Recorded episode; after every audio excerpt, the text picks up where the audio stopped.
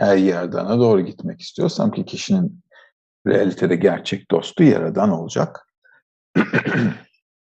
Üzerine ondan başkası yok. Eğer Yaradan'a doğru gitmek istiyorsam ki zaman sadece ben realitede gerçek dostu Yaradan olacak. Realitede. Üzerine ondan baş. Ancak o safhaya gelmem için ne yapmam lazım o safhaya gelmen için birçok şeyden taviz vermen lazım. O yüzden kendine bir dost satın almak demek dostluğundan seni ayıran şeyleri bir kenara koyman demek. Kendine bir öğretmen yani cennetin krallığını yapmadan önce kendine nasıl bir dost satın alabilir? Yani öğretmen ile bağ kurabilir. Sonuçta henüz bir öğretmeni yoktur. Sadece kendisi için bir öğretmen yapmasından sonra bedenin bağ satın almayı ve Yaradan'a memnuniyet vermeyi istemeyi talep ettiği bir nokta vardır. Yani ortada Yaradan yok ise, dolayısıyla bana öğreten yok ise ve benim için bir dost da yok ise o zaman bir yerden başlaması lazım diyor. Siz anlamalıyız ki kişi öğretmenin yüceliği ölçüsünde kendine bir dost satın al koşulunu yerine getirecek güce sahip olur. Bu böyledir çünkü öğretmenin önemini hissettiği ölçüde öğretmen ile bağ kurmak üzere ödün vermeye gönüllüdür. Çünkü o zaman anlar ki yerdanla divekut elde etmek bütün çabaya değer. Bunu tavizler vererek anlayabilir. Oldu. O yüzden bir şeye yatırım yapmadan bir şey edinmeye çalışmıyor iken böyle bir izlenime gelemem. Öğretmenin önemi demek, onun niteliklerinin önemi demek. O yüzden iyi adamdan öğrenmemiz lazım. Gelmemiz gereken koşul o. Dolayısıyla Yaradan'dan öğrenmeye gelebilmek için onun gözümüzde önemli olması lazım. Bunun için de ne yapmam lazım? Önemli yapabilmem için bir şeyi hayatımdaki diğer şeylerin önemsiz hale gelmesi lazım. O yüzden manevi yolun önemini hissettiğim kadarıyla yerdanla bağ kurabilirim. Bu çok önemli bir şey. Maneviyatta ilerlemenin püf noktası benim için ne kadar önemli olduğuyla ilgili.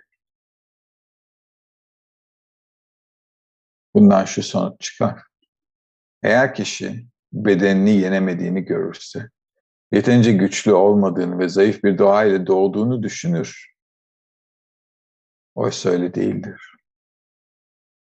Bunu, bunun nedeni öğretmenin yüceliğini hissetmiyor olmasıdır. Diğer bir deyişle henüz cennetin krallığının önemine sahip değildir. Dolayısıyla henüz çok önemli olmayan bir şeyin üstesinden gelecek gücü yoktur.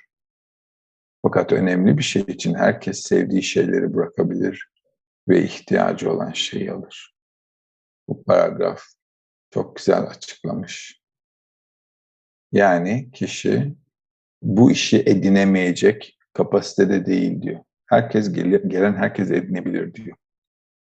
Tamam bak herkes edinebilir diyor. Adam sanıyor ki ben bunu yapamayacağım. Benim bunu yapacak vasfım yok.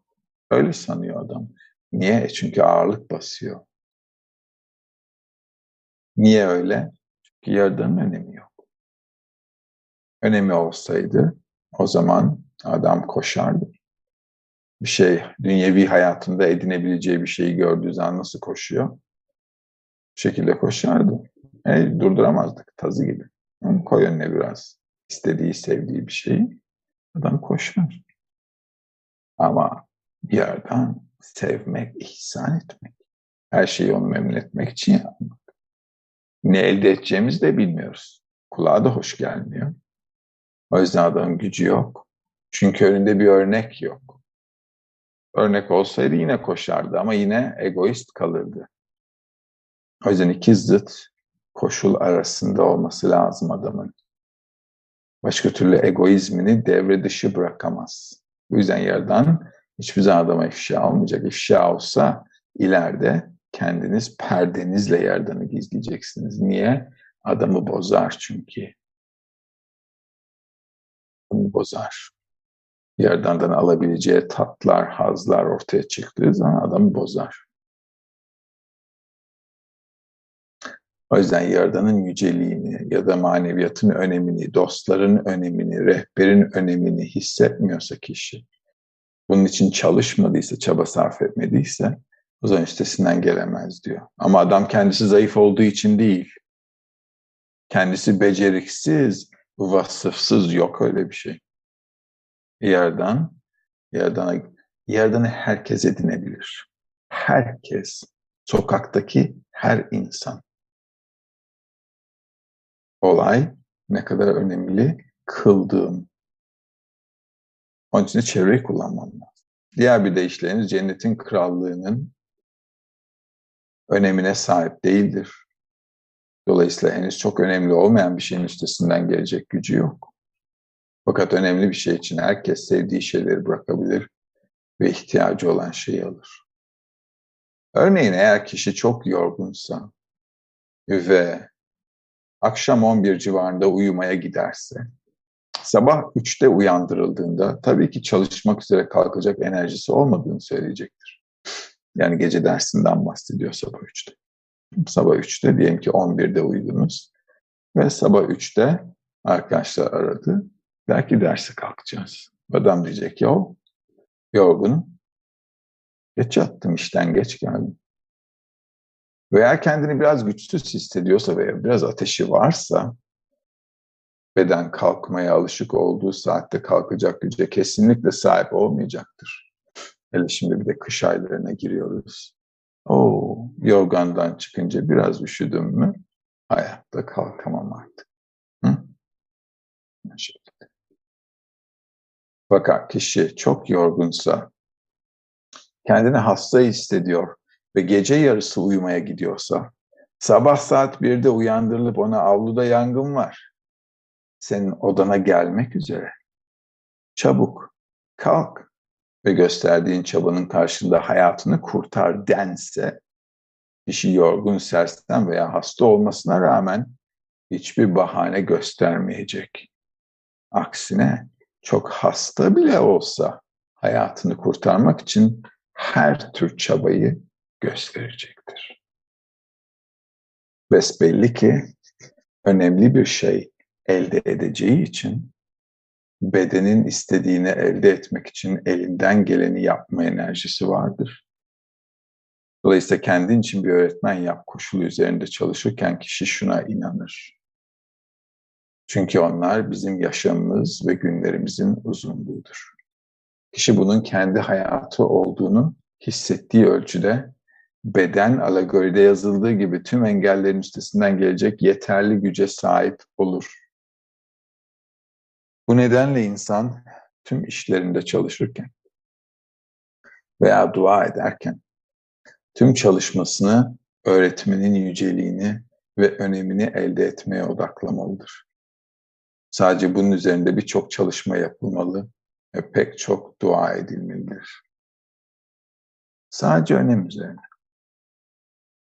Zoran'ın sözlerinde buna şihinayı yani kutsallığı yani yaradanın önemini tozdan kaldırmak. Yani toza indirilen cennetin krallığını kaldırmak denir. Diğer bir deyişle kişi önemli bir şeyi yere koymaz. Oysa önemsiz olan bir şey yere atılır. Ve şihine denen cennetin krallığı en alta indirildiği için kişi her manevi eylemden önce şihinayı tozdan kaldırmak için dua etmelidir. Bu cennetin krallığını önemli kılmak onun için çaba göstermeye ve önemini yükseltmeye değer olması için dua etmemiz gerektiğini, gerektiği anlamına gelir. Daha kim orayı? Bu cennetin krallığını önemli kılmak, yani maneviyata edinmeyi önemli kılmak, onun için çaba göstermeye ve önemini yükseltmeye değer olması için dua etmemiz gerektiği anlamına gelir. Yani kişi çok çaba sarf etmeli ki kalbinde kişi için bunun önemli olma arzusu olsun. Dua lafla etmediğimiz bir şey biliyorsunuz şu ana kadar değil mi? Üçüncü dönemdeyiz. Dua lafla değil. En üst paragrafta ne yazıyor? Eylemle yapacaksın diyor. Eylem yapacağım, yapacağım, yapacağım, yapacağım. İzlenimlerden geçeceğim, geçeceğim, geçeceğim. Geçtiğim izlenimler içimde arzumu, iştahımı, ilhamımı, özlemimi kabartması, arttırması, genişletmesi lazım.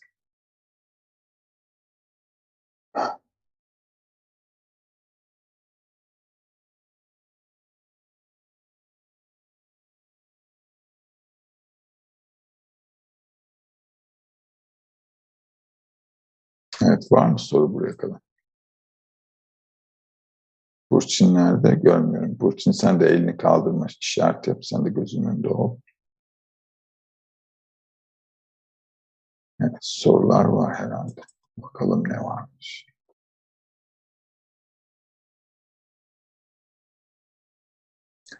Sevgili rehberim, herkese haklı çıkarmak nedir? Herkese haklı çıkarmak demek, ben varım ve karşımda dünyada, realitede olan olayların her şeyin arkasında Yaradan var demek. Ve her şeyi Yaradan yapıyor. Ve o bana yönelik çalışıyor yaptığı her şeyde. Ve o iyi ve iyilik yapan. Ben henüz onu görmüyorum öyle iyi ve iyilik yapan olduğunu. O yüzden dünyaya baktığım gibi, baktığım zaman kabus gibi şeyler oluyor dünyada. O yüzden iyi iyilik yapan diyemiyoruz. O yüzden haklı da çıkartamıyoruz.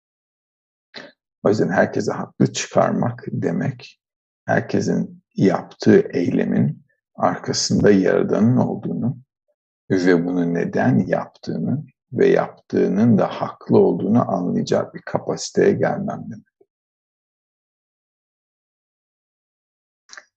Songül sormuş. Alma arzum kendisi için alma halinde olduğunda işlerin iyi gitmediğinin farkında ve çalışmanın kendisine fayda sağlayacağını hissediyor. Ve bu koşulda da kendim için alma halinde olmaya devam etmiş olmuyor muyum? Ve ben yerden memnuniyet vermek istiyorum. Bunu nasıl yapacağım? Bu şekilde olduğunu görmek bile sana memnunluk vermeli Songül. Yani işler yolunda gitmiyor. Ben de çalışmayı yapayım ki işler yoluna girsin. Ha? Rayına girsin. Yardana istenmek boş ver şimdi yardan istenmiş. Sonra hallederiz o işi biz. Hemen işlerimiz biraz rayına girsin canım. Ondan sonra bakarız yardanın muhabbetine. Doğru. Bu iyi bir koşul. Görmen iyi bir koşul. Çünkü bunu görmeden de yaşayan bir sürü adam var bir şeyler yaptığını sanıp. Böyle olduğunu bilmek Yaradan'ın bize doğamızı göstermesi. Ve bu şekilden yani kişi egoizminin derinliğine yavaş yavaş girer çalışmayla. Ne olduğumuzu yaratan bize gösteriyor. Canı gönülden yerden falan gitmek istemediğimizi de görüyoruz. Yani eğer bir şey isteyecek olsaydık ilk isteyeceğimiz şey ne olur abi şu dünyevi işleri bir hallet sonra geleceğiz maneviyat. Sıkıntı yok. Yani yap bir güzellik bize bir yapalım bir güzellik. Hı. Mantığımız o şekilde çalışıyor. Doğru söylüyorsun. Bunu yerden gösterdiği için kişi teşekkür etmeli. Bana bunu gösterdiğin teşekkürler. Değişmesi gereken şeyler var, anlıyorum. Ve bu şekilde devam edeceğiz. Bu daha ufak tefek şeyler. Daha giderek derinliğine indikçe böyle olduğunu göreceğiz safhaya kadar. O yüzden iyi. Mantık üstü gitmekle alma arzusunun çalışmadan fayda sağlayacağı hissiyatı nedeniyle devam etmesi arasında ne fark var? Mantık ötesi başlı başına mantık ötesi büyük bir seviye arkadaşlar. Mantık ötesi maneviyatta demek esasında da. Manevi çalışmamızda bizim mantık ötemiz ne? Daha mantık ötesi olmadan mantık ötesi ne diyebiliriz? Hocam diyor, ben de yapıyorum. Canım istemiyor ama biliyorum. İstemeye istemeye yapıyorum. Bu bizde mantık ötesi. Tamam. Ama hocam ne diyor, ne istiyor bizden? Hı? Herkes çek defterini çıkarsın, çekleri yazmaya başlasın demiyor. Dostları seveceksin diyor. Ve bu adam bunu bırak, bunun yerine parası olsa parasını vermeye razı. Çeki vereyim ama kimseyi sevmeden bu işi halledelim. Hı? Yok öyle bir şey. O yüzden mantık ötesi bizde. Hocam böyle yapacaksın diyor. alma arzında o şekilde. Bu bizi hazırlamak esasen. Çünkü öteki zamanda ilerlediğimiz anda maneviyatta ne olacak? Alabileceğim hazzı göreceğim. Bu sefer alabileceğim hazza maneviyatta ben freni koymak zorundayım. O yüzden şimdi rehber freni koyuyor. Rehber yönlendiriyor. Şöyle, şöyle, şöyle, şöyle diyor. O yüzden alma arzuma karşı bir şekilde gidiyorum. Hocamın dediğine göre daha sonra perdemiz olunca tam tersi olacak. Çünkü niye? Yerden adama gösterecek. Aa bunları benden alabilirsin diyecek. O zaman ne olacak? Tam rezalet. O zaman kişi perdesiyle kendi kendini örtmek zorunda kalacak. O büyük çalışma, mantık ötesi gitmek. Çünkü alabileceğin her şeyi görüp de hiçbir şey istemiyorum diyebilecek ve bir güce gelmemiz lazım. O gücün başlangıç noktası burası. O yüzden ne diyoruz? Hep anaokul gibi diyoruz. Niye? Ufak tefek dünyevi arzularımızın üstüne çıkıyoruz. Değil mi? Yavaş yavaş. Dünyevi arzuların üstüne. Sonra manevi hazlar, dünyevi hazlarla kıyas kabul etmez. Kıyas yok.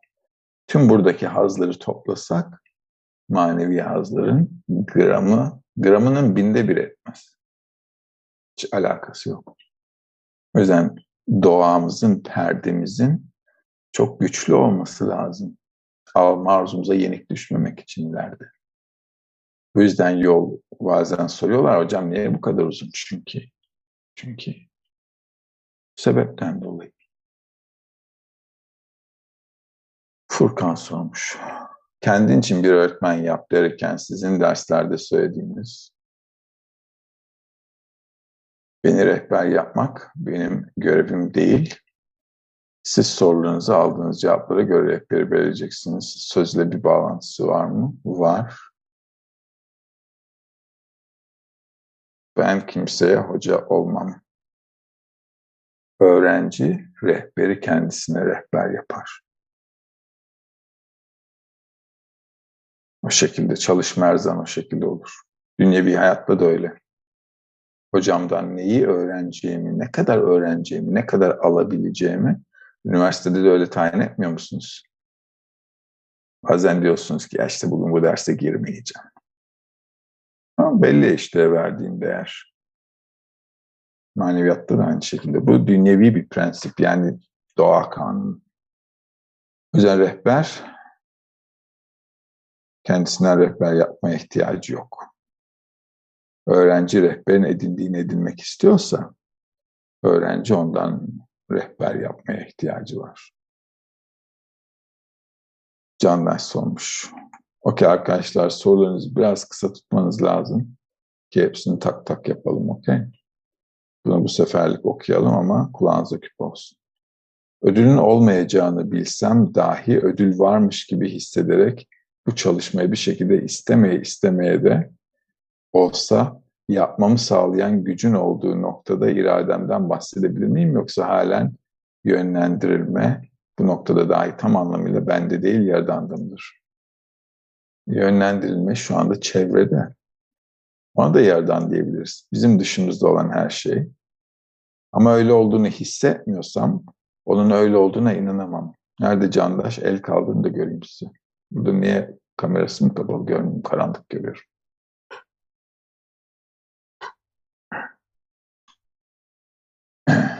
Kabalistler kitabı yazdı diye körü körüne inanamam. Anlaştık Candaş. O yüzden ne yapmam lazım? Ben içinde bulunduğum koşullardan ne yapmalıyım diye düşünmem lazım.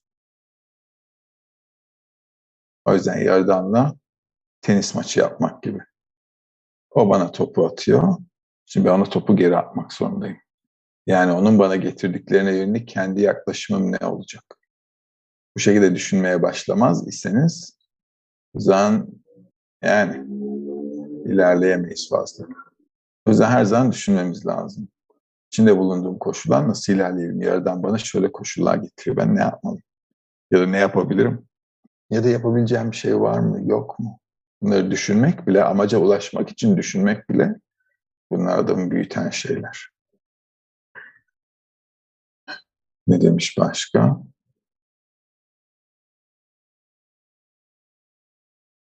Bende bu isteksizlik hat safhada fakat bir yandan da sabah derslerinde ana grupta olanların dahi tam manası ve iradesi olduğundan bahsedilemiyor.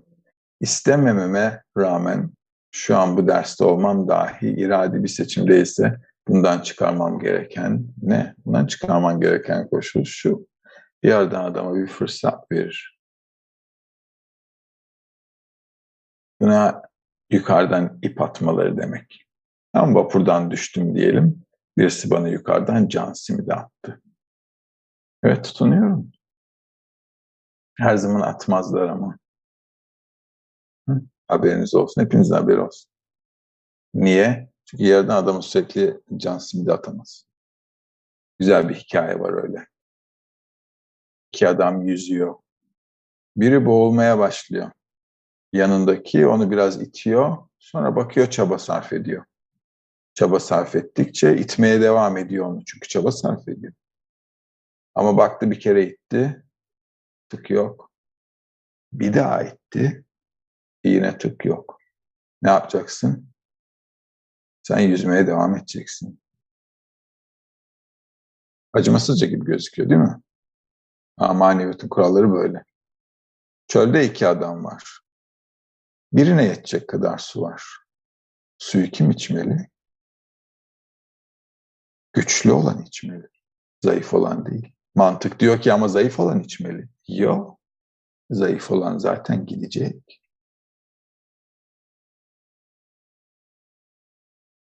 Tamam O yüzden bizim kafamıza göre gitmiyor hayat. Manevi prensipler çok ters. O yüzden kişi de yolda istememesine rağmen geliyor ise yukarıdan biraz yardım gördüğünü hissetmeli, hatırlamalı ve buna tutunmalı. Özgür seçimi burada. Çünkü bir kere, iki kere ondan sonra bay bay. Bu şekilde. Bu alegori çok gerçekçi bir alegori. Güzel kitaplarda yazıyor böyle olduğunu. Boşuna yazmıyorlar. O yüzden kişi değer vermez ise makalede dediği gibi her şey ne kadar önem verdiğine bağlı. Aynı şekilde hayatımızda da öyle. Diyelim ki birisiyle bir ilişkin var ve sana önem vermiyor. Ne yapacaksın? Senin bir önemin yok. Yani gitmiş. O ne diyor sana? Estala vista diyor. O yüzden öteki taraf da sana ne diyecek? O da sana estala vista diyecek. Yerden de aynı şekilde zorla güzellik olmaz. O yüzden kişi kendi kendisine önem inşa etmeli. Çalışmada. O yüzden isteksiz olmanız iyi. Bununla ne yapacağınızı düşünmeniz daha da iyi. Eğer çevreden güç alırsanız o çok çok çok çok daha iyi. Çünkü o zaman ilerlersiniz. Tamam Cem sormuş.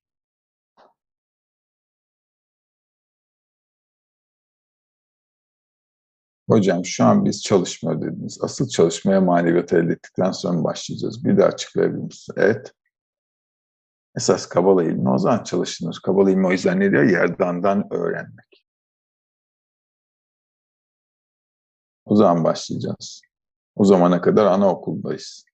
O yüzden hazırlık dönemi derler. Kabalistler de öyle diyor. Zmana hahana. Hazırlık zaman. Zaman, zaman. Aynı kelime. Türkçe ile İbranice. Bu şekilde. Hazırlık zamanı.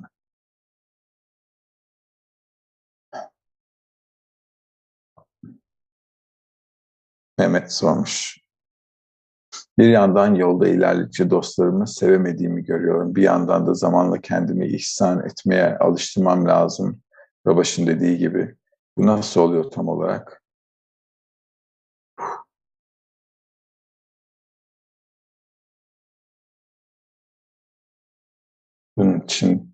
İyi dostlara ihtiyacım var. Ancak öyle oluyor. Şimdi eğitim merkezinde olduğunuz için biraz tez canlısınız bir de. Tez canlı olmanız da işin açıkçası hoşuma gidiyor. Gitmiyor değil. Tek taraftan da biraz tedirginim. Yoldan çabuk mu düşersiniz diye. Dostlarımı hemen sevemem.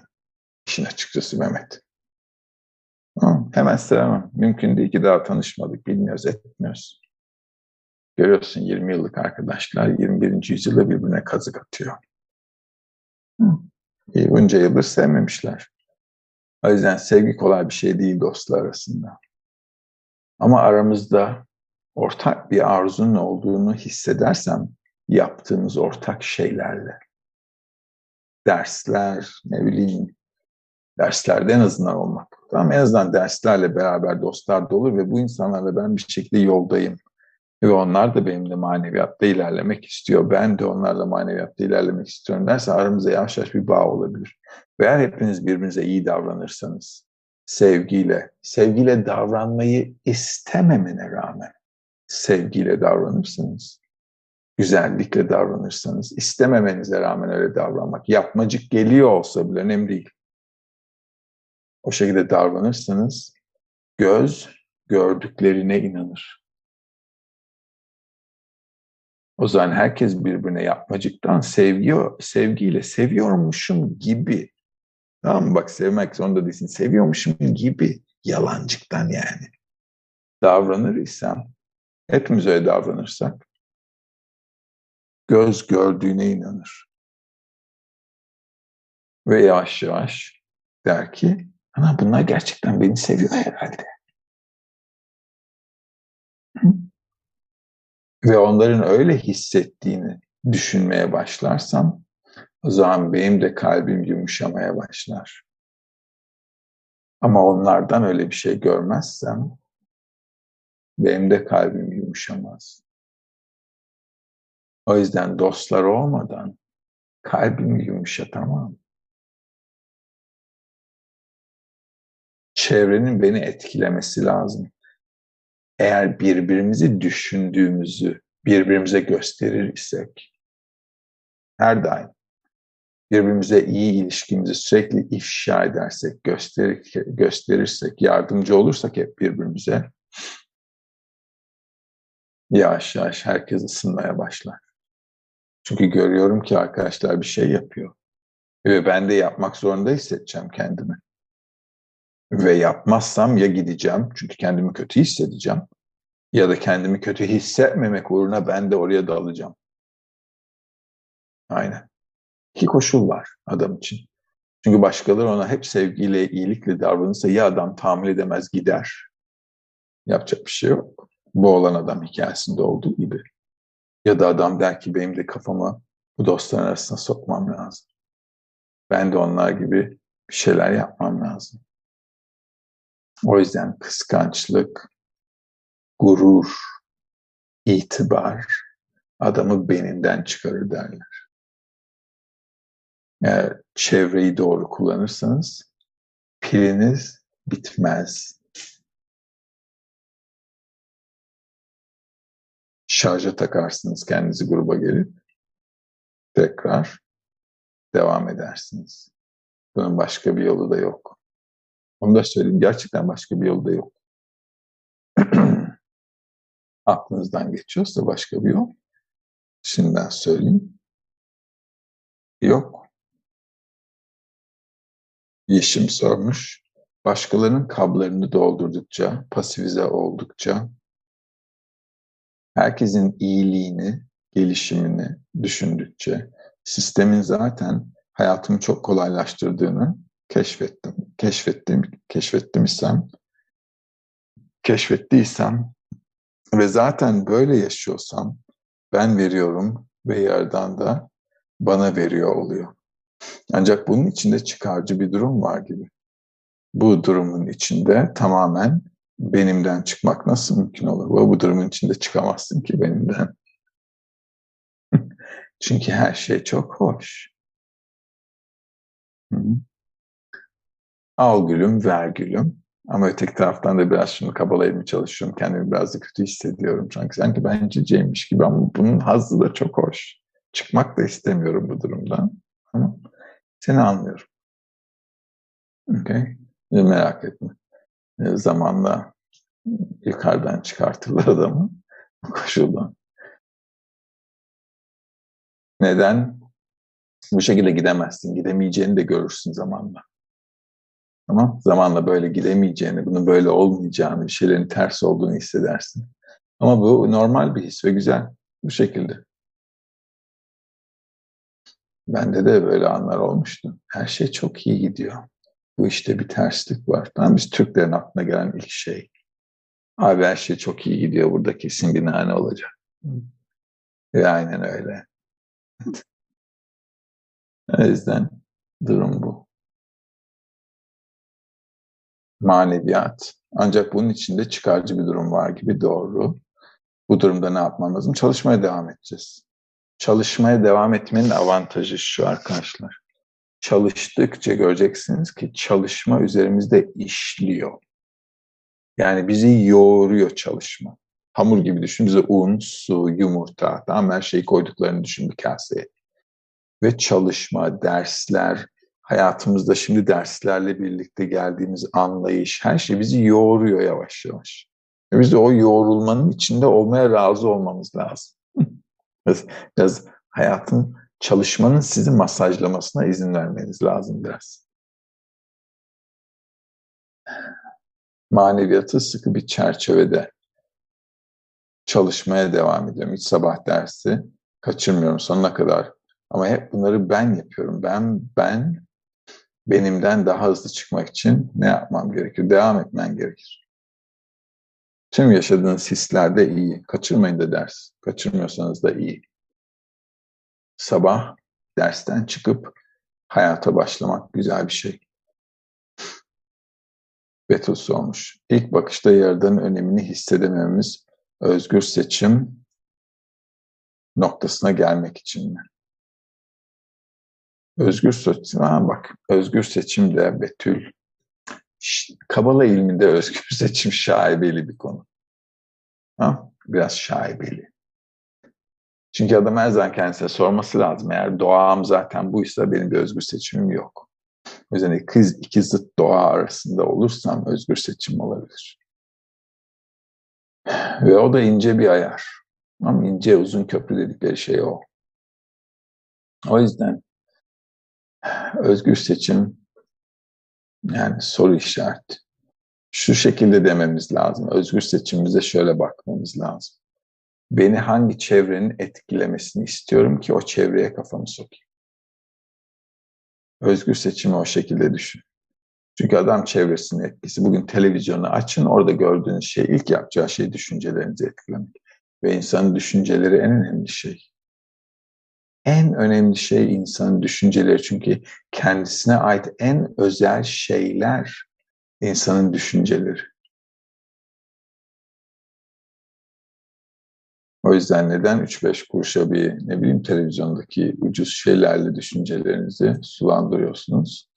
Sulandırmayın. Özgür seçim hep çevrede gözüyle bakın. Yola devam etmek de öneme bağlı. Eğer benim için önemliyse o zaman istediğim amaca ulaşmak için beni ilerletecek çevreye girmek için gücüm olur. Yoksa o da olmaz. O yüzden özgür seçim o yüzden biraz böyle bulanık. Çünkü zaten önemliyse benim için kendimi oraya götüreceğim. Bu ne kadar özgür bir seçim çünkü önemli olduğunu hissediyorum. Bir taraftan öyle. Ama öteki taraftan iki zıt koşul var önümde. Biri maneviyata doğru ilerlemek, biri dünyevi arzuların peşinde gitmek. Ya da kafamdaki başka bir manevi arzu da olabilir. Fark etmez. Ne kadar çok arzum var, o kadar dilema içerisindeyim. Yaradan'ın bizden beklentisi, Yaradan'ın bizden bir beklentisi şu, anne ve babamızın beklentisi gibi. Yaradan'ın insandan beklentisi, bir insanın annesi ve babasının, bir çocuğun diyelim, annesinin ve babasının beklentisi gibi. İyi bir şekilde büyümemizi istiyor, ayaklarımızın üzerinde durmamızı istiyor, güçlü olmamızı istiyor, akıllı olmamızı istiyor. İstiyor da istiyor bizim için iyi şeyleri. Yerden de adam için iyi şeyler istiyor. Beklentisi ne? Dolayısıyla ne yapacağız? İyi bir çocuk olacağız. Betül. Burada mı Betül? Yok. İyi bir çocuk olacağız. Kaan sormuş. Bu derslerde Kabala çalışmasıyla elde edebileceğimiz birçok güzel şey olduğunu öğrendik. Çalışmada yorulsam da sıkılsam da alma arzum buradan elde edebileceğim şeyleri biliyor. Beden tam olarak neden itiraz edecek? Şimdi itiraz etmeden ilerlemen de iyi. Kaan, bu da güzel. Tamam, hem fikirim, bu çalışma mantıklı, iyi, hoşuma gidiyor. Bu şekilde ilerlemek çok iyi. İlk etapta böyle olması da lazım. Zaman sonra göreceğiz ki vermem gerekiyor. Çalıştıkça, çalıştıkça, çalıştıkça göreceğim ki vermem gerekiyor. Biraz daha vereceğim, şunu da vereceğim. Bunu. Yani taviz vermem gerekecek. Makalede yazdığı gibi bir şeyin önemi başka şeylerden ne kadar vazgeçtiğime bağlı. Ve vazgeçtikçe kendime soracağım. Vazgeçiyorum, vazgeçiyorum, vazgeçiyorum. Elde var. Sıfır. Sıfır da değil, eksi. Eksideyim. Sıfır iyi olurdu. Eksideyim. Ne yapacağım? O zaman ne yapmam lazım? Arzuma karşı gitmem lazım. Ancak o zaman. Şimdi iyi hissetmeniz de iyi kendinizi. Bunlar güzel. Bunlar iyi, doğru hisler bunlar. Çalışmanın başında iyiyiz, yoldayız, heyecanlıyız, istiyoruz. Bunlar da güzel. Samet sormuş. Makaledeki herkese haklı çıkarmaya çalışma seçeneği şu an içinde yapay olmuyor. Şu an için yapay olmuyor mu bizim için? Yapay. O yüzden ne dedim? Onu da çalışacaksın sadece. Dostlar arasında. Ama amacı görmek lazım ileride. Kabalistler boşuna yazmıyor. Yani içinde bulunduğum koşul var. Bir de ne var? İleride arzuladığım bir koşul var öyle değil mi? Hep aynı koşulda kalmak istemiyoruz. Yani hayatımızda da öyle. O yüzden içinde bulunduğum koşuldan çalışmaya başlayacağım. Ama öngördüğüm bir amaç, hedef her şeyi haklı çıkarmak. Yani Yaradan'ın yaptığı her eylemi haklı çıkarmak. Herkese haklı çıkarmak dediği o. Yani Allah'ın yaptığı her şeyin arkasındaki iyi düşünceyi, iyi niyeti anlamak.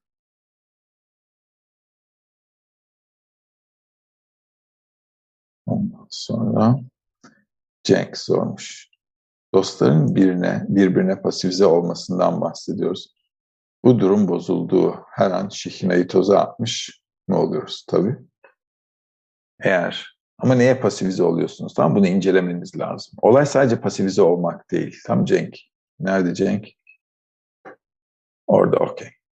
E, olay sadece pasifize olmak değil. Neden pasifize oluyoruz? Tam bunu değerlendirmem lazım. Ve içimde pasifize olmayan şey ne? Onu da düşünmem lazım. Yani körü körüne iş yapmıyoruz hiçbir zaman manevi çalışmada. Kafayı hep kullanmamız lazım. O yüzden bir durum oldu. Kendimi pasifize ediyorum ama niye pasifize ediyorum? Pasifize olmaktan ne elde etmek istiyorum? Pasifize bile olmalı mıyım?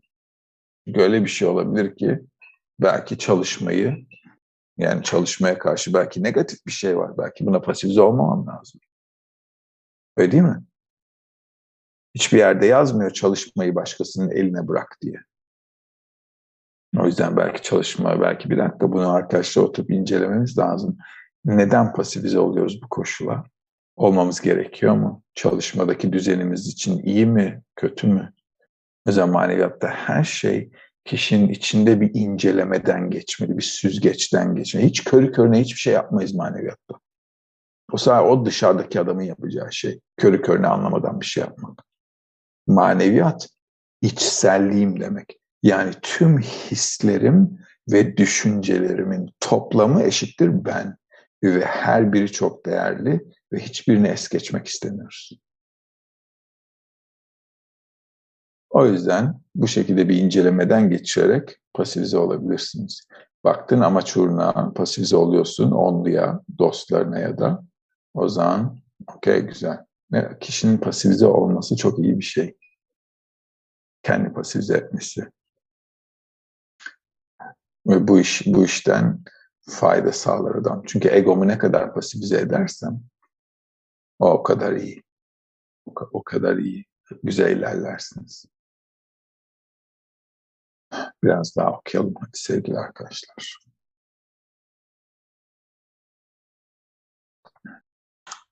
Bizler Tanrı'nın ihtişamına sahip olmadığımız fakat kutsallık toz içinde denen Tanrı'nın şehri en alta indirildi söz konusu olduğu için Yaradan'a Tanrı'nın ihtişamını onun halkına versin diye dua ederiz. Yani kişinin içerisinde maneviyat, yaradan, ne demek yaradan? İhsan ve sevgi niteliği demek.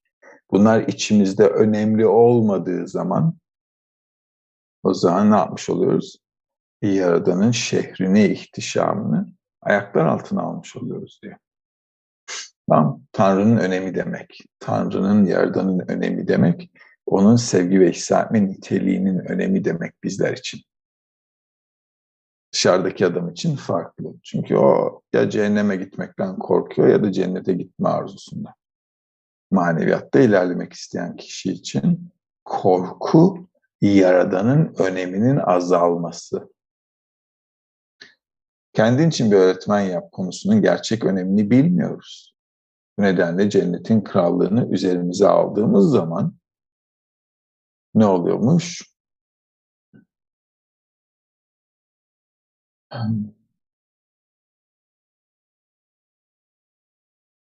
Ne oluyormuş? Onun ihtişamını hissetmesi için Yaradan'dan Tanrı'nın ihtişamını vermesini isteriz. Yani biraz önce ne diyor arkadaş neredeydi? Can, candaş soran. Ne dedi ben isteksizim. İstemiyorum ama bir şekilde buraya geliyorum. Tamam? İstemiyorum. İstemeden geliyorum. Yüzden şimdi yerden dönecek fırsatım var demek. Yerden dönebilirim. Arzum yok. Ne yapacağım? Nasıl ilerleyeceğim? Yerden dönmenin tek koşulu yapamayacağımı hissettiğim zamanlar olur. O zaman yapacağımı hissediyor isem yerden dönmeme gerek yok. O yüzden çalışmada eğer yapamadığımı, istemediğimi, arzumun olmadığını görüyor isem adam yerden dönebilir. Tam direkt. Bebekken ağladığın gibi her şeye.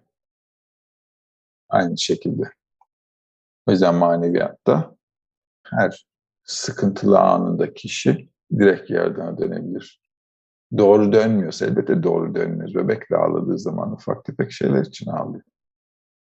Ama duyuyoruz. Bir şey yapmasak da duyuyoruz.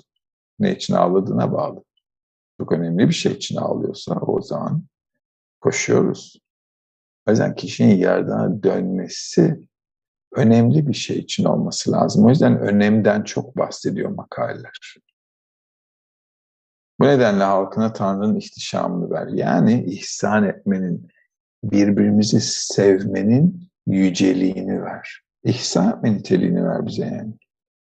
Yani yerden Tanrı'nın ihtişamını İsrail halkına verecek demeliyiz. İsrail ne demek? Yaradana yönlenmiş bir kişi. Sokaktaki İsrail'den bahsetmiyoruz.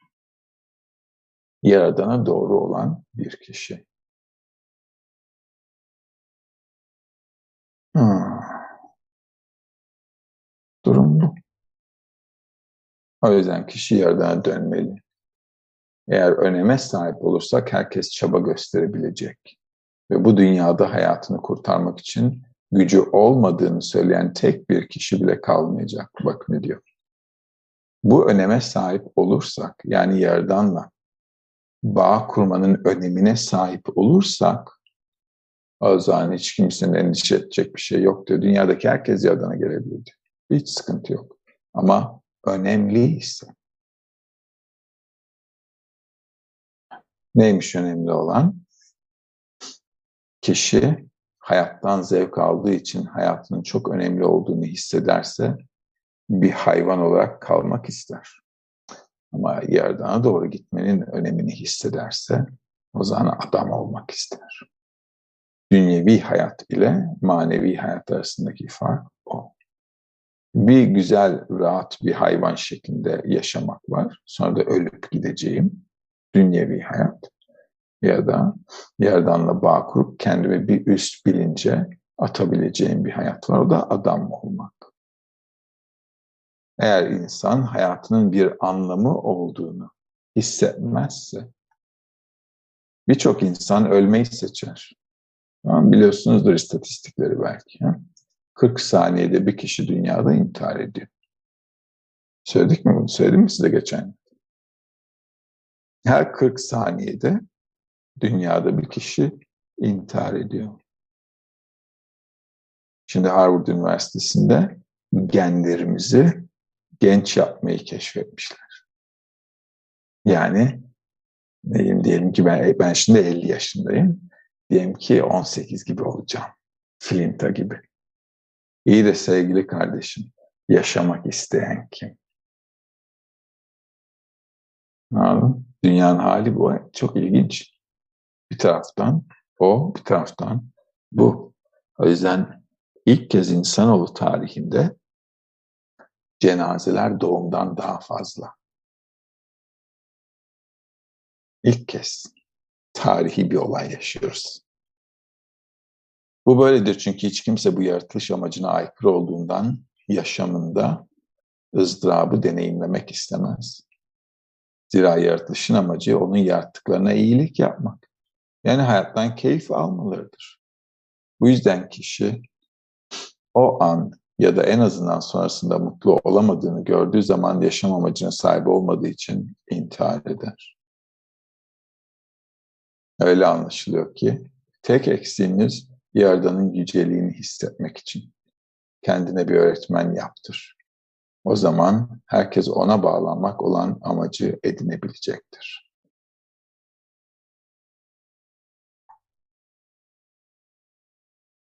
Ve ayrıca şu üç şeyi söyleyen Kabalist Yeshua Ben Perahiyan'ın sözlerinde yorumlamalıyız.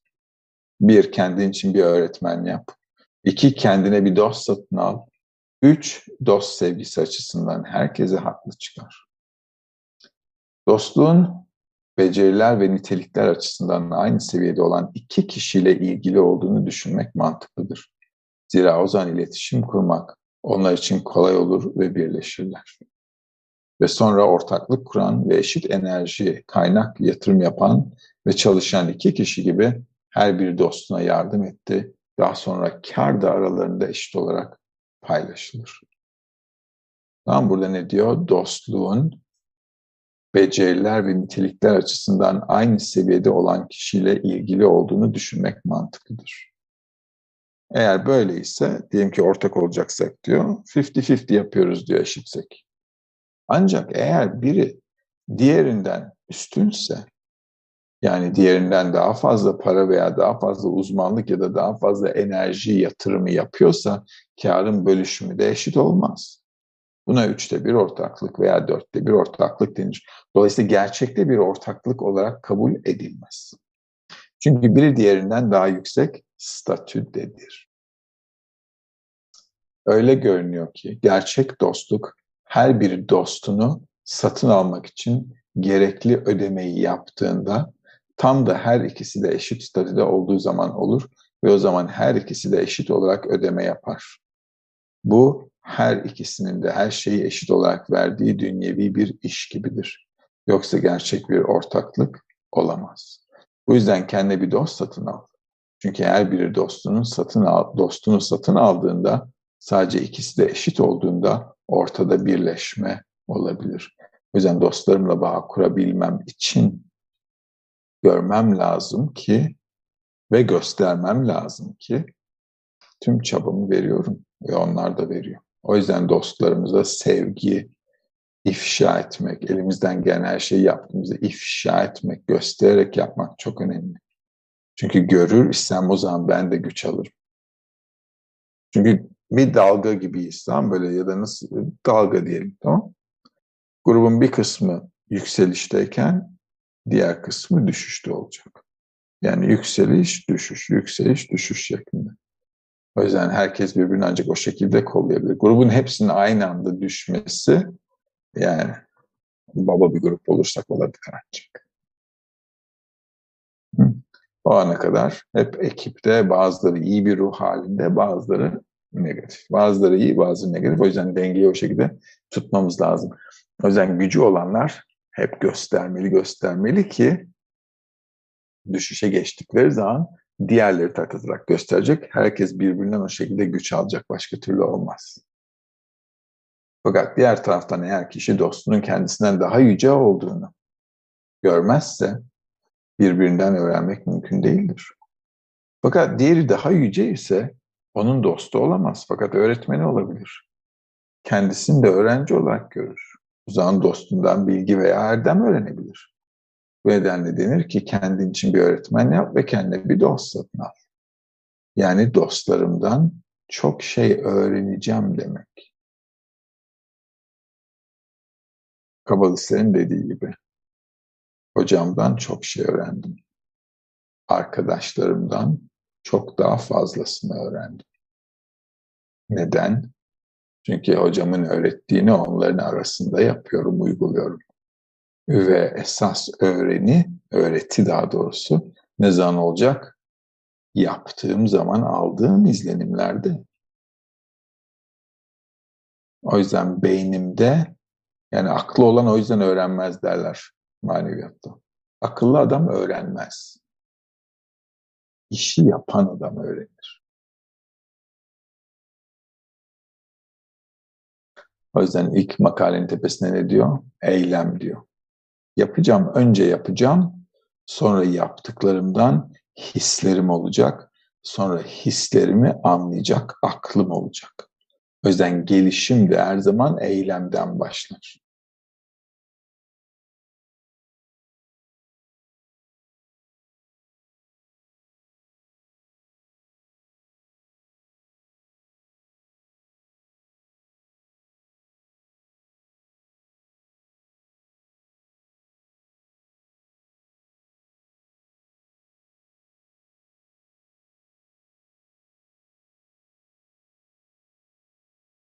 Biraz daha aşağı ilerleyelim.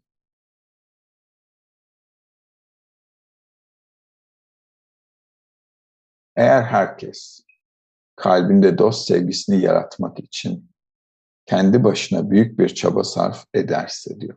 Ama eğer hep birlikte çaba sarf edersek ne diyor? Kalbinde dost sevgisini yaratmak için kendi başına büyük bir çaba sarf etmelidir.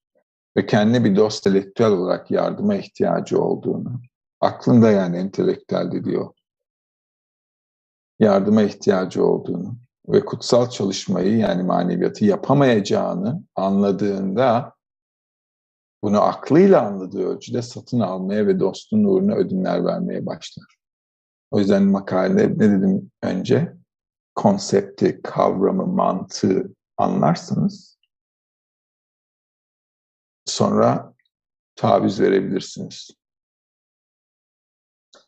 O yüzden mantı, işin mantığını anlamanız o yüzden önemli. Düşüşün mantığını, nasıl düştüğüm, niye düştüğüm, neden gerekli olduğu ve şimdi ne yapmam gerektiği. Bunlar entelektüel şeyler. Kafamda 1, 2, 3, 4, 5 diye madde madde yazacağım şeyler. Ki koşul olduğu zaman aa dı dı dı dı dı bu koşullardayım. Tamam yapmam gereken şey kafamı gruba sokmak. Nasıl?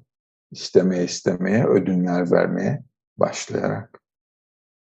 Bu böyledir çünkü kişi anlar ki çalışma esas olarak Yaradan'a ihsan etmek üzerinedir. Ama amaç Yaradan'a ihsan etmek. Ancak bu onun doğasına aykırıdır.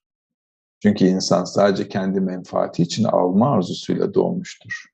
Bu nedenle kendini sevmekten başkalarını sevmeye gitmenin ilacı bize verilmiştir.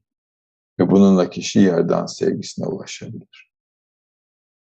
Tekrar bakayım orayı.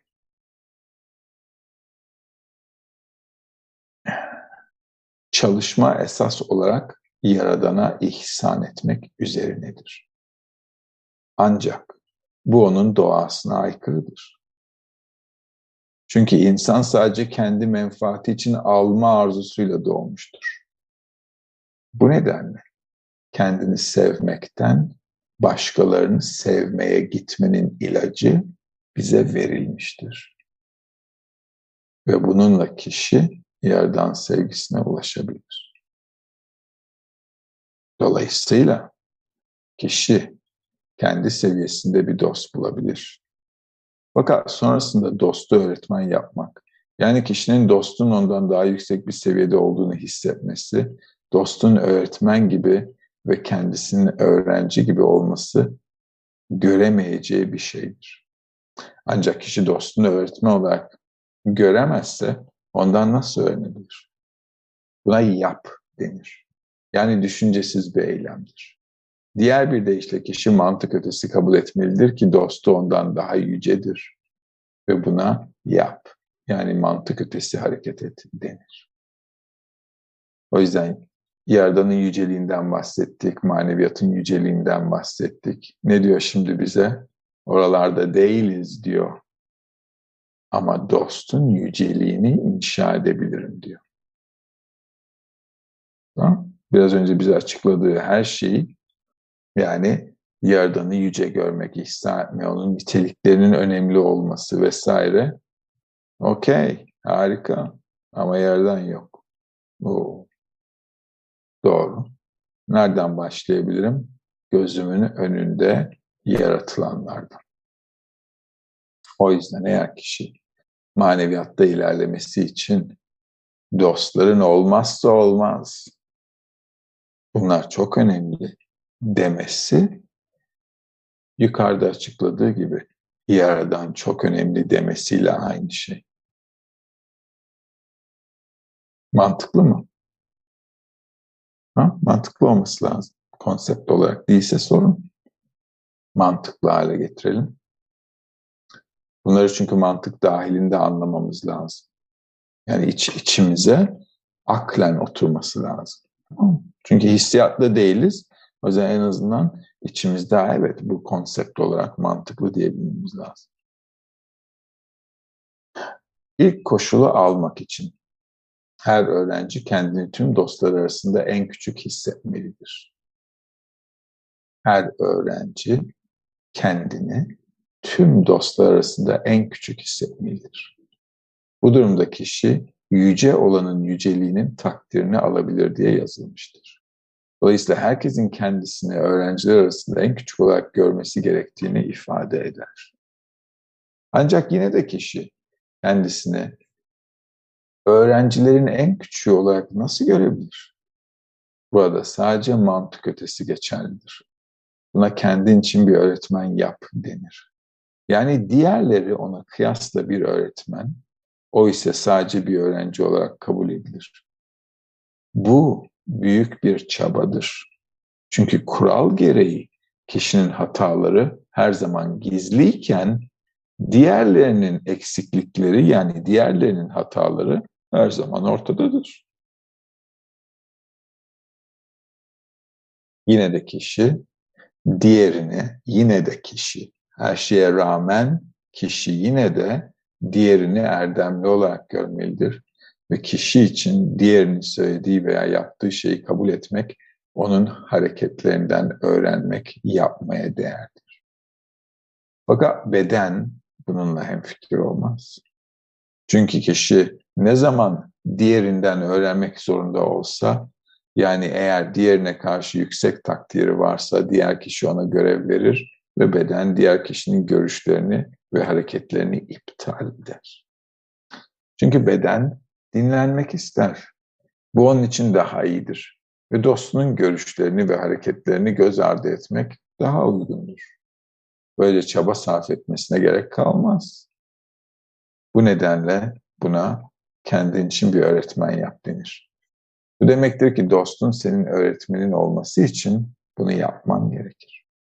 Diğer bir deyişle, bu akılla ilgili değildir. Çünkü akıl diğer türlüsünü ileri sürer ve hatta bazen zıt olanı, yani kendisinin öğretmen olabileceğini ve diğerinin de onun öğrenci olabileceğini onu gösterir. Bu nedenle buna yap, yani akıl yürütmek değil yapmak denir. Ve herkese haklı çıkar. Kendine bir dost satın al dedikten sonra şu soru akla gelir. Ya geri kalan insanlar? Örneğin eğer kişi topluluğundan birkaç kişiyi seçer ve diğerlerini bırakıp onlarla bağ kurmazsa soru şudur. Onlara nasıl davranmak gerekir? Nihayetinde onlar onun dostu değildir. O neden onları seçmedi? Muhtemelen onlar da onlarla bağ kurmaya zaman ayırmaya değecek erdemler bulamadı. Yani onları takdir etmiyor. Bu nedenle topluluğundaki diğer insanlara nasıl davranmalıdır? Ve aynı durum topluluktan olmayan diğer insanlar için de geçerlidir. Onlara nasıl davranmalıdır? Kabalist Yeşua Ben Pereya bununla ilgili der ki, herkese haklı çıkar. Yani kişi herkese haklı çıkarmalıdır. Bu demektir ki kişinin onlarda iyi nitelikleri bulamaması onların hatası değildir. Bakın iyi okuyun orayı yine. Bu demektir ki kişinin başkalarında iyi nitelikler bulamaması başkalarının hatası değil.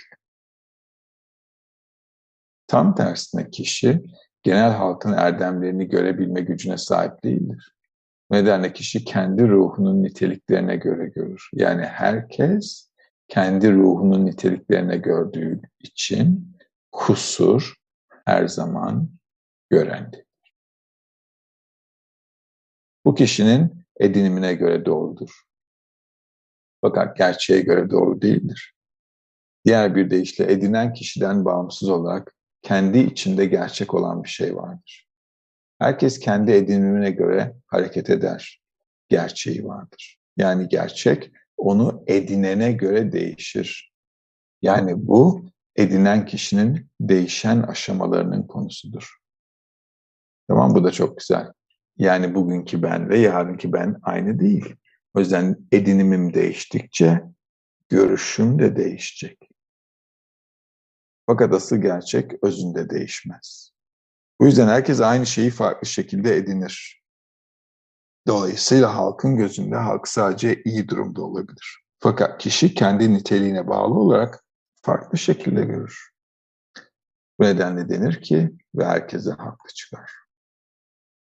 Yani kişi dostlarının yanı sıra diğer herkesi de haklı çıkarmalıdır. Hepsi özünde değerlidir ve kişinin onların davranışlarına ilişkin herhangi bir şikayeti yoktur. Ama kendi adına onlardan hiçbir şey öğrenemez. Çünkü onlarla eşitliği yoktur. Yani dışarıdaki insanlardan maneviyata yönelik öğreneceğimiz bir şey de yok bu arada. Tamam. O yüzden tüm maneviyatımız dostlar arasında. Ama dışarıdaki insanlar kendilerinden yapmıyor bir şey, doğaları gereği davranıyorlar. O yüzden herkes doğasına göre davrandığı için konuşacak bir şey yok. Herkes yapması gerektiğini yapıyor. Tıpkı bir kediye bağıramayacağınız gibi, niye mi yavlıyorsun sen diyemeyeceğin gibi. Tamam. Sokaktaki adama da bir şey diyemezsin. Ama manevi çalışma her zaman dostlar arasında.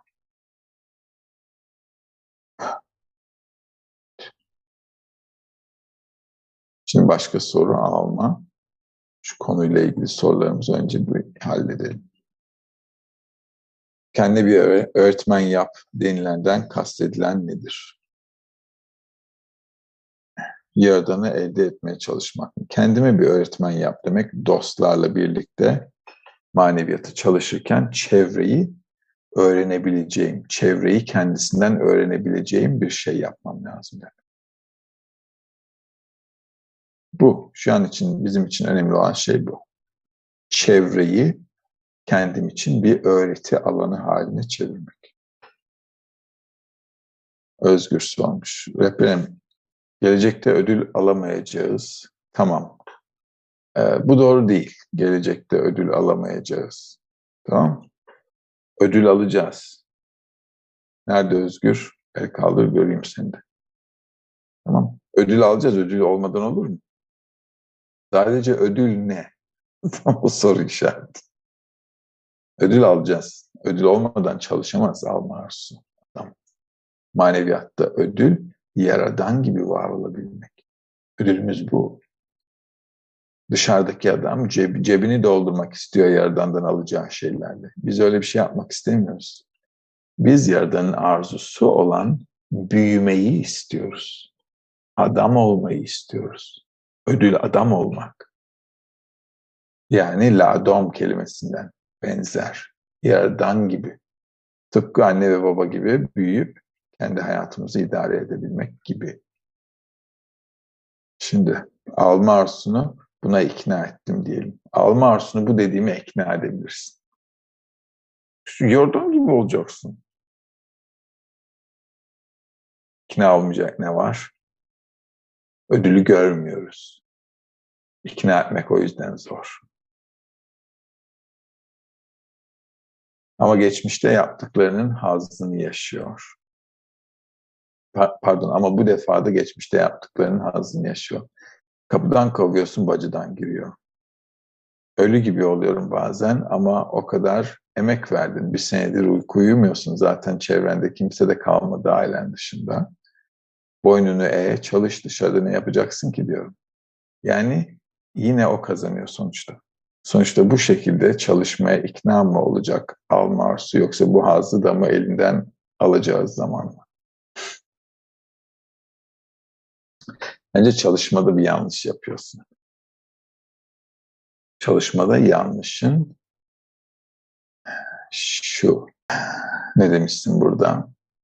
Ama bu defa da geçmişte yaptıklarının hazını yaşıyor. Yani kapıdan kovuyorsun, bacıdan giriyor. Kapıdan kovmana gerek yok. Alma arzusu adamı hiç rahat bırakmaz. Bu konuda hepimizin fikri oldu hiçbir zaman. Ve maneviyatta ilerledikçe daha da daha da böyle yakanıza yapışacak. O sorun değil. O işini yapıyor. Onun işi bu. Adamın işi maneviyatın önemini arttırmak. Maneviyatın önemini egomu kovmaya çalışarak yapamam. Maneviyatın önemini ve maneviyatı çalışırken mutluluğumu etrafımda iyi dostlar varsa ve onlarla yolda ilerlediğimi hissedersem yakalayabilirim. O dostluktan şu anda mahrumsunuz. Ama o sizin suçunuz değil. Biraz benim suçum. Çünkü henüz onluğunuz yok. Dostlar yok. Sabah kalkıyor musunuz birkaç kişi? Zoom'da mısınız? Tamam. Ama yapacak bir şey yok. Bu dönemleri bitirmeden onlu olamayız. Bu çalışmayı, nasıl çalışmayı dostlar arasında yapacağımızı öğrenmeden şansımız hiç olmaz. Yani derste kalkmanız çok iyi açık konuşayım. Gerçekten çok iyi. Bir de beraber Zoom'da falan olmanız da çok iyi. Oh, süper bir şey. Ama çalışma yani o şekilde kendimi ikna etmekle zorlanırsın. Hayatımda zaten ne var ki sorusunu sormak iyi. Tamam kötü değil. Onu hepimiz yapıyoruz. Hayatta zaten ne var ki geri gidecek. Tamam Hepimiz yapıyoruz onu. Güzel bir analiz. Ama e, kendi tokatlaya tokatlaya da olmaz çalışma. Çalışma güzel bir anlayıştan gelmesi lazım. Hoş bir anlayış ve etraftaki iyi arkadaşlarla. E, bu şekilde gidersiniz. E, bağ kurmaya çabuk başlarsınız daha onunla olmadan bile. İyi bir şey. Evet ama anlıyorum o zorlukları. Hepimiz yaşadık bunları. Yaşamaya da devam edeceğiz yolun sonuna kadar. Çünkü ilerledikçe ağırlık daha fazla. Tam anlamıyla nasıl diyeyim? Yani ilerledikçe nasıl sorumluluklarımız artıyor hayatta. Öyle değil mi? Yani büyüdükçe sorumluluklarımız artıyor. Eskiden çocuktuk, biraz büyüdük. Artık diyorlar ki yatağını yapmak zorundasın. Yatağını yapman lazım, odanı toplaman lazım. O şekilde. Bizde de öyle olacak. Yani. Ama düşmeyin yoldan. Tamam Eğer sana yardımcı oluyorsa dışarıda ne yapacaksın ki diye kendi kendine sormak zor. Yardımcı oluyorsa yap. Gidecek bir yerin olmadığını görmen de iyi. Kaan sormuş. Neden bu üç emirden sadece birinde satın almak ifadesi kullanılmış? Satın alırken ödediğimiz bedel çaba diye diğer iki emrinde fark fark mı var? Ödediğim bedel taviz. Satın almak demek taviz veriyorum demek. Ödeme yapmak o. Tamam. Kendi, kendimi pasivize ediyorum demek. Kendi alma arzularımdan taviz veriyorum demek. O yüzden ne bileyim akşam maça gidebilirdim ya da maç seyredebilirdim diyelim. Ama ne yapıyorum? Taviz veriyorum arzumdan. Yapmıyorum. Ve manevi çalışmamı yapıyorum. O şekilde satın alıyorum. Elimde bir fırsat var ya da sahip olduğum bir şey var. Ondan taviz veriyorum. Onu eliyorum. Bunu yapabilmem için eylem yapmam lazım. O yüzden kendime bir dost satın alacağım ve kendime bir öğretmen yapacağım. Çabamla, çabamızla hep birlikte dost olacağız. Sonra hepimiz aramızdaki dostluktan öğreneceğiz. Tam mantıklı. Aramızdaki bağdan, ilişkiden öğreneceğiz ondan sonra. Dost olabilmek için ama aynı yolda yürüdüğümüze dair hepimiz birbirimize çaba sarf ettiğimizi, tavizler verdiğimizi göstermemiz lazım. Herkes dostuna taviz verdiğini, çaba sarf ettiğini gösterirse o zaman derim ki okey burada konuşacak bir şey var. Burada beraber yolu götürebileceğim adamlar var. Şimdi öyle bir güven hissettiğim zaman o zaman ne olacak? Bağ olacak aramızda. Bu şekilde. O yüzden eylem önce gelmesi lazım. Hep ki eylem, çaba, tavizler, bağ, inceleme ondan sonra öğreneceğim bağdan. Aramızdaki koşullardan. Şimdi sevgili arkadaşlar saat 9.30'a geliyor. Konuyla ilgili her şeyi bitirdik. Soruları da bitirdik. Bundan sonrası ders sırasında gelen konu dışı sorular. O yüzden akşamı bitirmek isteyen herkes bitirebilir dersin. Sonu geldi. Şimdi bu sorulara cevap vereyim ben. Başka da soru almayayım. Kadir sormuş. Kabala'da yüksek benlik var mı? Varsa yükseliş dediğimiz şey yüksek benliğe geçmek, düşüş dediğimiz şey normal benliğe geçmek? Yani düşüşler de yükselişler de esasen maneviyatta olur. Benlikten, yüksek bir benlikten bahsedeceksek. Yüksek bir benlik var. Ruh diyoruz ona. Ruh, yaradanı algılayan bir duyu. Eğer yaradanı algılayan bir duyun yok ise ruhun da yok diyor kabalistler. Peki adam nasıl yaşıyor bu dünyada? Bir tavuk gibi yaşıyor. Nasıl o iki ayağı üzerinde yürüyor? Adam da iki ayağı üzerinde yürüyor. O yüzden yüksek benlik ruhumuz. Yaradanla form eşitliğinde yani ihsan ve niteliğinde ve işleyen akıl açısından bağımızın olduğu bir bilinç. Kadir e, dost şey eğitim merkezinden mi Kadir? Bunlar eğitim merkezinden. Aa Kadir. Tamam bizim Kadir yani. Okey. Gelelim Emir'e. Hohma'yı ilk safhada aldı. Ancak sonunda da alacak. Burada değişecek olan sadece kabı mı? Amaç ihsan etmeden amaç ihsan etmeden haz almak ise ihsan etmekten haz almak ise bu hazın diğerinden farkı ne olacak? Sadece niyet mi? Yok. Yani niyetin niyette fark var. Ama küçük bir çocuğun aldığı haz ile bir yetişkinin aldığı haz çok farklı. Sonuçta hepimiz haz alacağız. Tamam? Yaratılışın amacı haz almak. Ama nasıl haz almak? Sınırsız, sonsuz, sonu gelmeyen haz almak. Nasıl alabilirim? Kablarım büyük olursa alabilirim. O yüzden direkt ışın dört safhasında niye gelişiyor?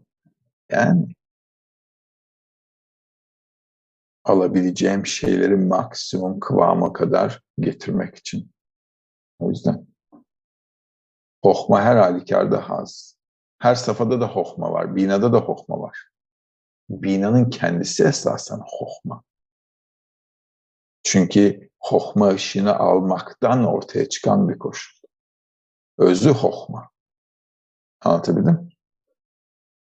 Ama o hohma özünden yeni bir anlayışa geliyor. O anlayış da değişiyor. Yaklaşımını değiştirmek istiyor en azından.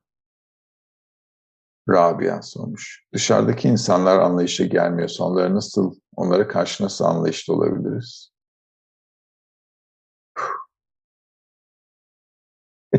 Sabırla. Başka nasıl olacağız? Sabırla. Dışarıdaki adam bak. Biraz önce kedi örneğini verdiğim gibi düşün. Miyavlıyor. Akşamın gecenin bir saati. Açıp da camı niye miyavlıyorsun kardeşim sen uyutmadın iki saat sonra zaten kalkacağız burada. Bir insaf et. Diyemiyorsun. Öyle sokaktaki adama da diyemiyorsun bir şey. Öyle gidiyor. O yüzden dünyevi hayata yaklaşımımız, dünyevi hayatın gerektirdiği koşullar neyse, yani toplumsal normlar neyse o şekilde. Başka yapacak bir şeyimiz yok. Zaten biraz daha ilerle. Gerekli olmayan kimseyle takılmazsın. Şimdiden o halde değilsen bizimle çalışmaya devam edersen o hale gelirsin merak etme. Çünkü konuşacak bir şey yok. İyi sormuş. Rav Sabah derslerinden birinde Rabaş'ın kendisini şeffaf olarak şeffaf olarak o gördüğünü söyledi. Soru, grup içinde yaradanı edinen kişi diğer grup içinde ve BB grubundaki yaradanı edinen kişileri görebilir duruma mı gelir? Tabii kendi ruhunun köküne ve derecesine göre. Rav kişinin hocasını hissedebileceğini söyledi. Biz de ilk manevi seviyemizi algıladığımızda mutlu hocamız ve Rav'ı hissetme durumuna gelebilir miyiz? Dahası maneviyatı ilerledikçe, yani maneviyatı hissetmek ne demek? Dışındaki realiteyi hissedebilmek demek. Maneviyat o. Ve dışımızda kim var? Esasen dışımızda Yaradan var. Yaradan'dan başka bir şey yok. O yüzden hepimizin, biraz önce derste dediğim gibi hepimizin hissettiği şey esasen şu anda da hepimizin hissettiği şey Yaradan ama ayırt edemiyoruz. Ay, ayırt edemiyoruz bize neyin ne yaptın. O yüzden Rabia ne diyor? Sokaktaki adam öyle davranırsa ne olacak diyor. Ya da böyle yaparsa. Niye? Çünkü onun arkasında Yaradan olduğunu hissetmiyoruz. Öyle bir algımız yok. Yani henüz o çapta değiliz. Ama o çapa geleceğiz maneviyat edindikçe. Ne yapacağız o zaman? Eski yaratılışın arkasındaki her şeyin Yaradan olduğunu hissedeceğiz. O zaman hocamda, dostlarımda, rehberimde, anamda, babamda herkes göreceğim ki herkes benim bir parçam ve ben de bir sistemin parçasıyım. Ve bunun hepsi de Yaradan'la birlikte işleyen bir sistem. Bu şekilde hissedeceğiz. Her şeyin bir bütünlüğü olduğunu hissedeceğiz. O yüzden maneviyatta ilerleyen kişi ne yapıyor? Tüm insanoğlunu hissediyor. Niye kabalistler sürekli anlatmaya çalıştığı kitaplar yazdı? Çünkü görüyorlar kötüden kötüye gittiklerini. O yüzden anlatmak istiyorlar. Yapma, etme, o şekilde. Gel etme, çalışalım. Gel öğrenelim. Dinleyen yok. Okay, yapacak bir şey yok. O yüzden niye yok? Çünkü bayağılığın hat safhasına gelmesi lazım insanoğlunda. Ki geldik o safhaya. Geldik o safhaya. O yüzden görüyorsunuz sadece yozlaşma var. Çürüyen bir ego var. Ve insanoğlunun gidecek başka bir yer kalmadı. Yani her yol kapalı insanoğluna şu an itibariyle. O yüzden her şey kötüye gidebilir sadece. İyiye hiçbir şey mümkün değil. Selenay sormuş. Rabi keresinde bir kişiye ilk bakışında onun maneviyatta nereye geleceğini bildiğini ama sürece müdahale etmemek için bunu ifade etmediğini söylemişti. Yani öğretmen öğrencisinin ilk görüşte maneviyatta nereye gelebileceğini görüyor mu gerçekten?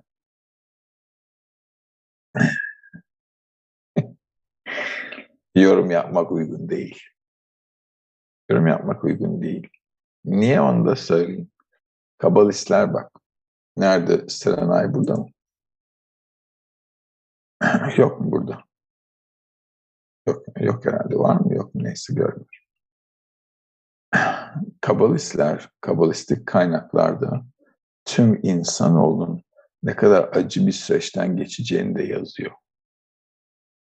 Şimdi insanoğlu bu süreçten geçmek zorunda mı? Soru işareti.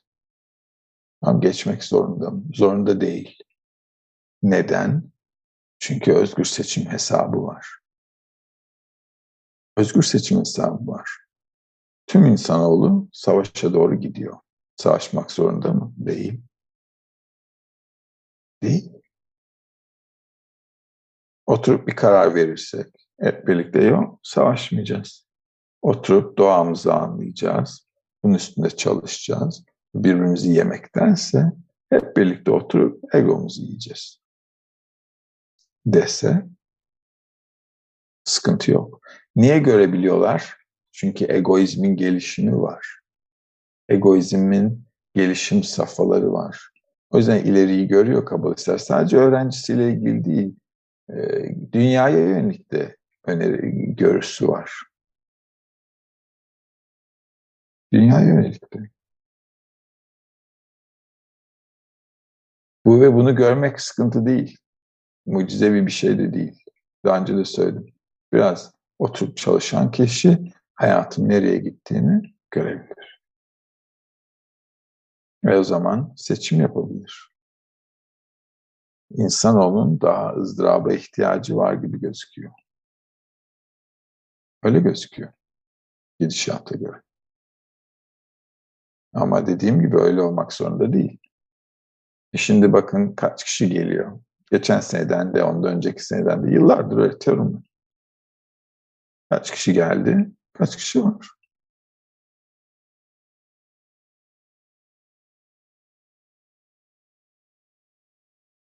Yapacak bir şey yok. O yüzden başlıyoruz her dönem. 150-200 kişi zaten kalpteki noktası uyanacak da gelecek de yani aldın bu yani istatistiksel olarak zor zaten. Yani 10 bin kişiden biri duyacak da duyan bin kişiden biri gelecek de yani istatistiksel olarak zaten zor. O yüzden kabalistik bir grubun böyle çok büyüyeceğini de düşünmüyorum. Rab'dan da öyle duyduk. Çünkü geldiğimden beri de öyle. Yani 20 yıl önce geldiğimden de geldiğim zaman da evet bir nasıl diyeyim böyle bir çekirdek vardı. Ve o çekirdek, o çekirdek hala. Ve etrafında dönenler var. Ya bu demek değil ki sizin için öyle olmak zorunda. Çünkü ben de bilmiyorum. Ben istiyorum ki yani ülkemizden ciddi manevi insanlar çıkartalım. Çünkü tüm dünyayı değiştirebilir bir kişi. Bir kişi. Ama ondan başkası yok diyoruz, devam ediyoruz. Ama kişi gelen herkesin özgür seçimi var. O yüzden kişi duyuyor, öğreniyor, kendisine sorması gereken soruyu soruyor maneviyatı çalışacağım mı? Doğama karşı gidip yeni bir doğa edinecek miyim? Yoksa dünyevi hayata geri mi döneceğim ya da gideceğim başka bir şey mi yapacağım hayatımda?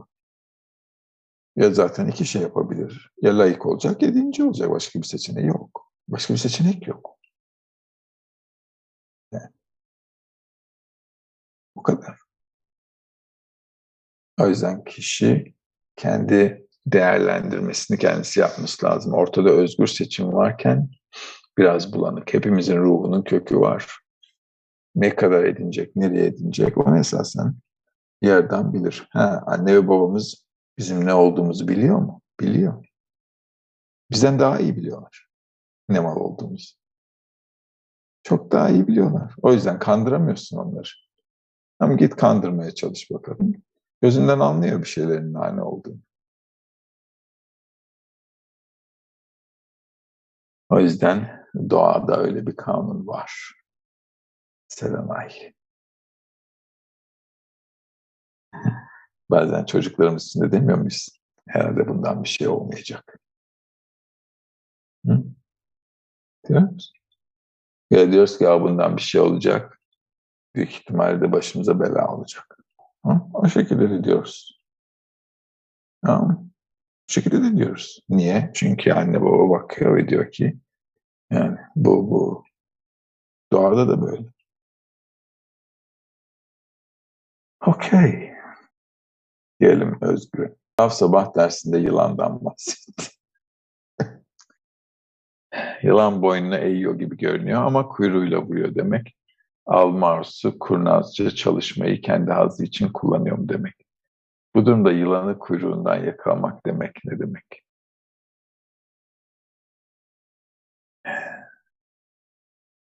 Sabah dersine.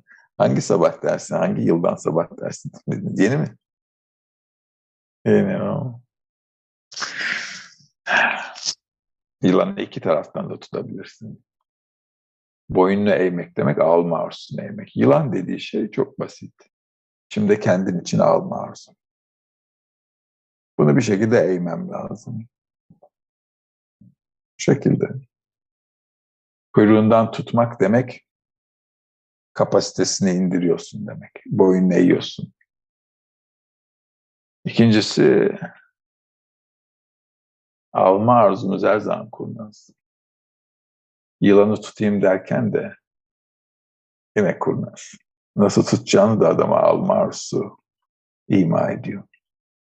Yılan tutmak demek alma arzumu tutmak demek. Alma arzumu tutmak için ihsan edecek elim olması lazım. Bu şekilde. Onun içinde grubum olması lazım. Büyük ihtimalle gruba bağlamıştır yine. Gruba bağlamıştır. Çünkü tüm hikayelerin hepsinde kötü eğilimimi, yani yılan dediği şey kötü eğilimim, onu eğebilecek gücü sadece dışarıdan alabilirim. O yüzden biraz önce dedim sana, alma arzuna karşı çıkmak mümkün değil. Alma arzumu yenmem de mümkün değil. Ama dışarıdan bir etki alır isem kendimi ikna edebilirim. O yüzden kendini kendi kendini ikna etmektense çevrenin beni ikna etmesi daha kesin sonuç başarı için. Yok.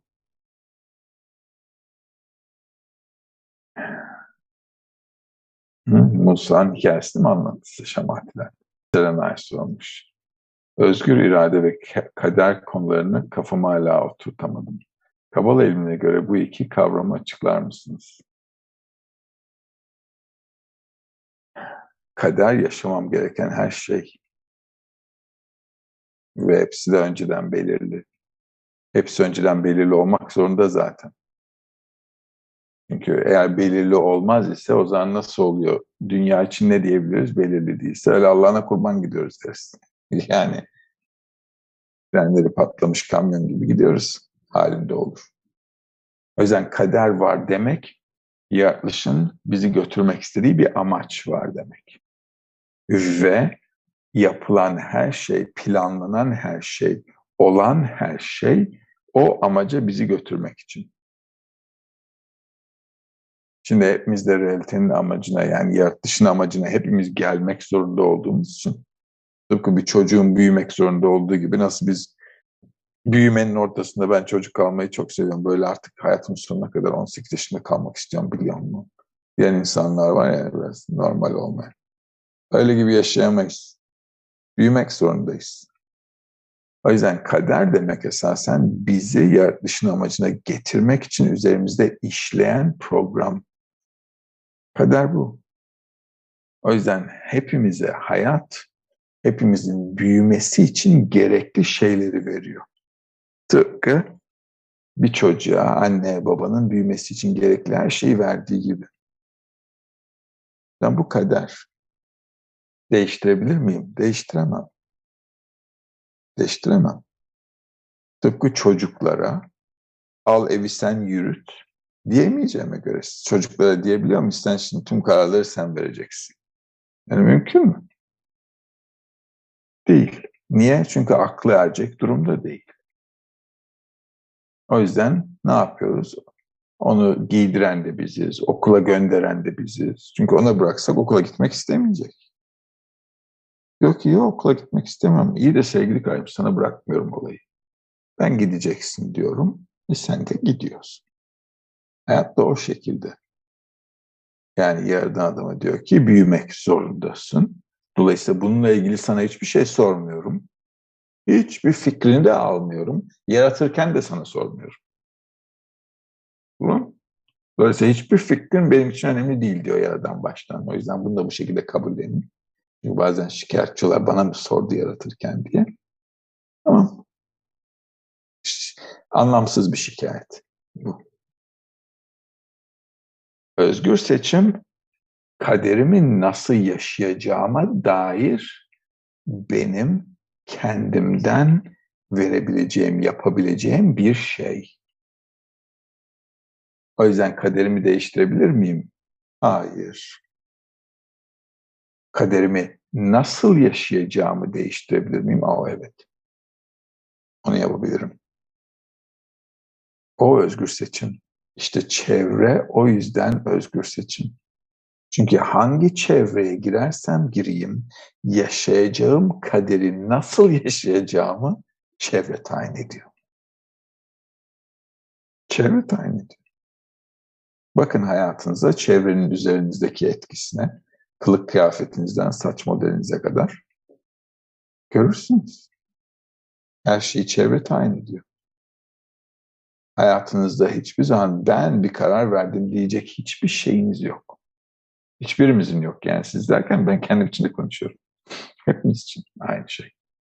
Yok. Hangi çevrenin içinde doğduysak bizi o çevre belli bir şekle şemale sokuyor. O yüzden zaten özgür seçimimiz kalpteki nokta uyandıktan sonra olabilir. Yani neden yaşıyorum? Hayatımın manası ne ki? Diye soruyor isem ancak ondan sonra bir şeyler devreye giriyor. Öteki türlü adam öyle Allah'ına kurban yaşıyor. Bir de utanmadan diyor ki ben şimdi şöyle yaptım. Ya da ben şimdi şöyle düşünüyorum. Sevgili kardeşim neyi düşünüyorsun sen ya? Öyle bir kapasite bile yok. Yok. Çünkü çevre bana ne getiriyorsa ben ona göre düşünüyorum. Kendimden düşünmüyorum.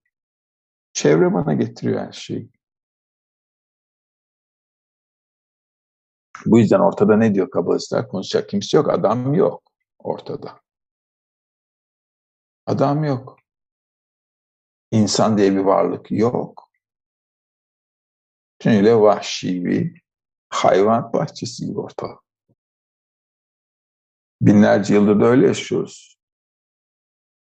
Yani vahşi, kuduz, kuduz hatta vahşi bile demeye göre kuduz hasta hayvanlar gibi. Sürekli birbirini öldüren, birbirini inciten, rencide eden ve egoist doğamızın içerisinde bu şekilde yaşıyoruz. Çevrenin ürünü olarak. O yüzden ne diyor kabalist? Adamın da yapacağı bir şey yok diyor. Biraz önce okuduk.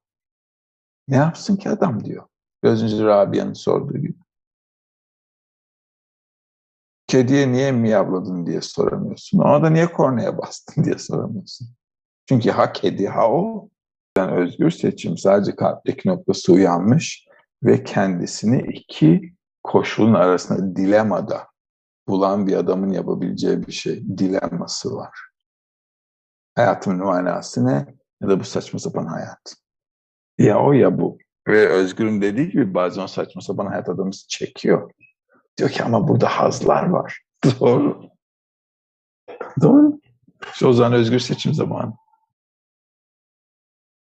Özgür seçim zamanı da o zaman. Beni çeken şeyler var. İki tarafa doğru çekiyor. Çarmıha gerilmiş gibi. Biri bir kolundan, öteki öteki kolundan. Özgür seçim ikisinin arasında. Konuda en fikir miyiz?